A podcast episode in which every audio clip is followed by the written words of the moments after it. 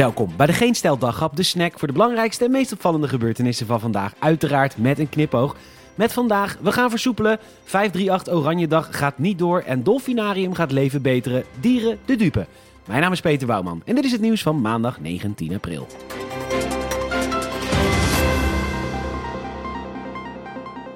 We gaan versoepelen. Yeah!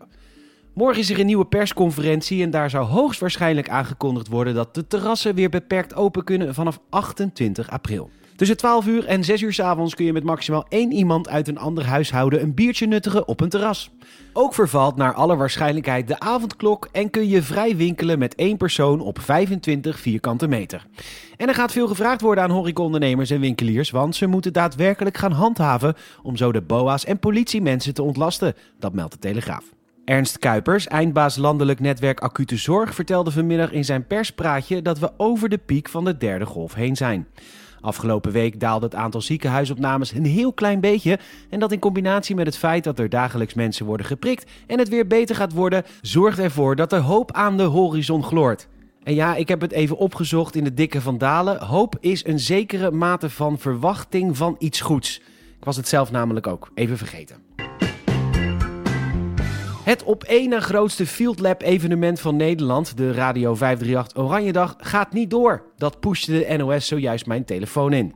Het was inmiddels ook onhoudbaar geworden. De politiebonden riepen op om het werk neer te leggen voor een betere CAO en vaccinatiebeleid. Er werd rekening gehouden met dikke protesten vanuit de zorg, horeca en alle andere mensen die er een mening over hebben. En inmiddels is de protestpetitie al meer dan 370.000 keer digitaal ondertekend.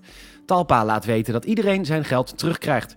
Waarschijnlijk gaat dit geen gevolgen hebben voor het allergrootste Field Lab experiment, namelijk Schiphol, want nog steeds landen er dagelijks meerdere vliegtuigen vanuit brandhaarden en is een quarantaineplicht voorlopig nog niet aan de orde. Ondertussen is er binnenkort een Field Lab reis naar Gran Canaria, waar een paar mensen heen kunnen en zich 45.000 mensen voor hebben ingeschreven. Wellicht kan de vrijgekomen handhaving in Breda gebruikt worden op Schiphol. Je bent er zo met een Intercity direct.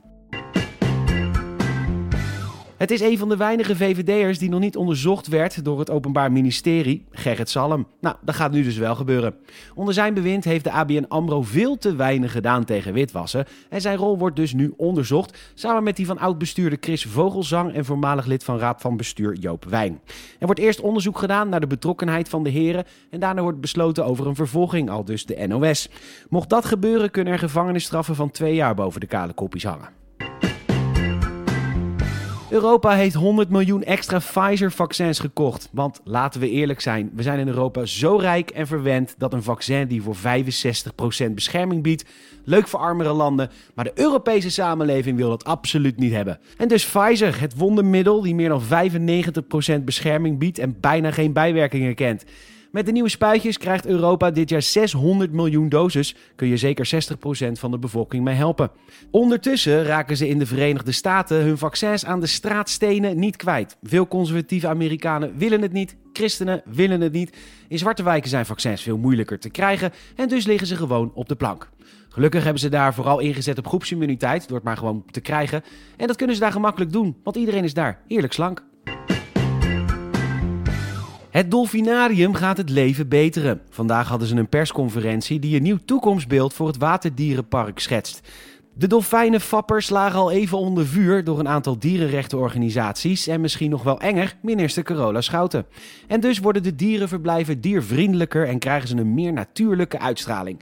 En om de dieren meer ruimte te geven, moeten een aantal andere dieren weg. De contracten van twee walrussen, acht tuimelaars en twee Californische zeeleeuwen worden niet verlengd. En deze dieren zijn dan ook de grootste verliezers, want ze worden overgeplaatst naar een Chinees dierenpark. En ik heb het al voor je gedaan, dus mijn advies: doe het zelf niet. Ga niet op zoek naar YouTube-filmpjes met hoe ze daar dieren behandelen in de pretparken. Als je daar geen panda bent, ben je beter af in een iets te klein bassin het dolfinarium. Word je in ieder geval af en toe nog even afgebonkt.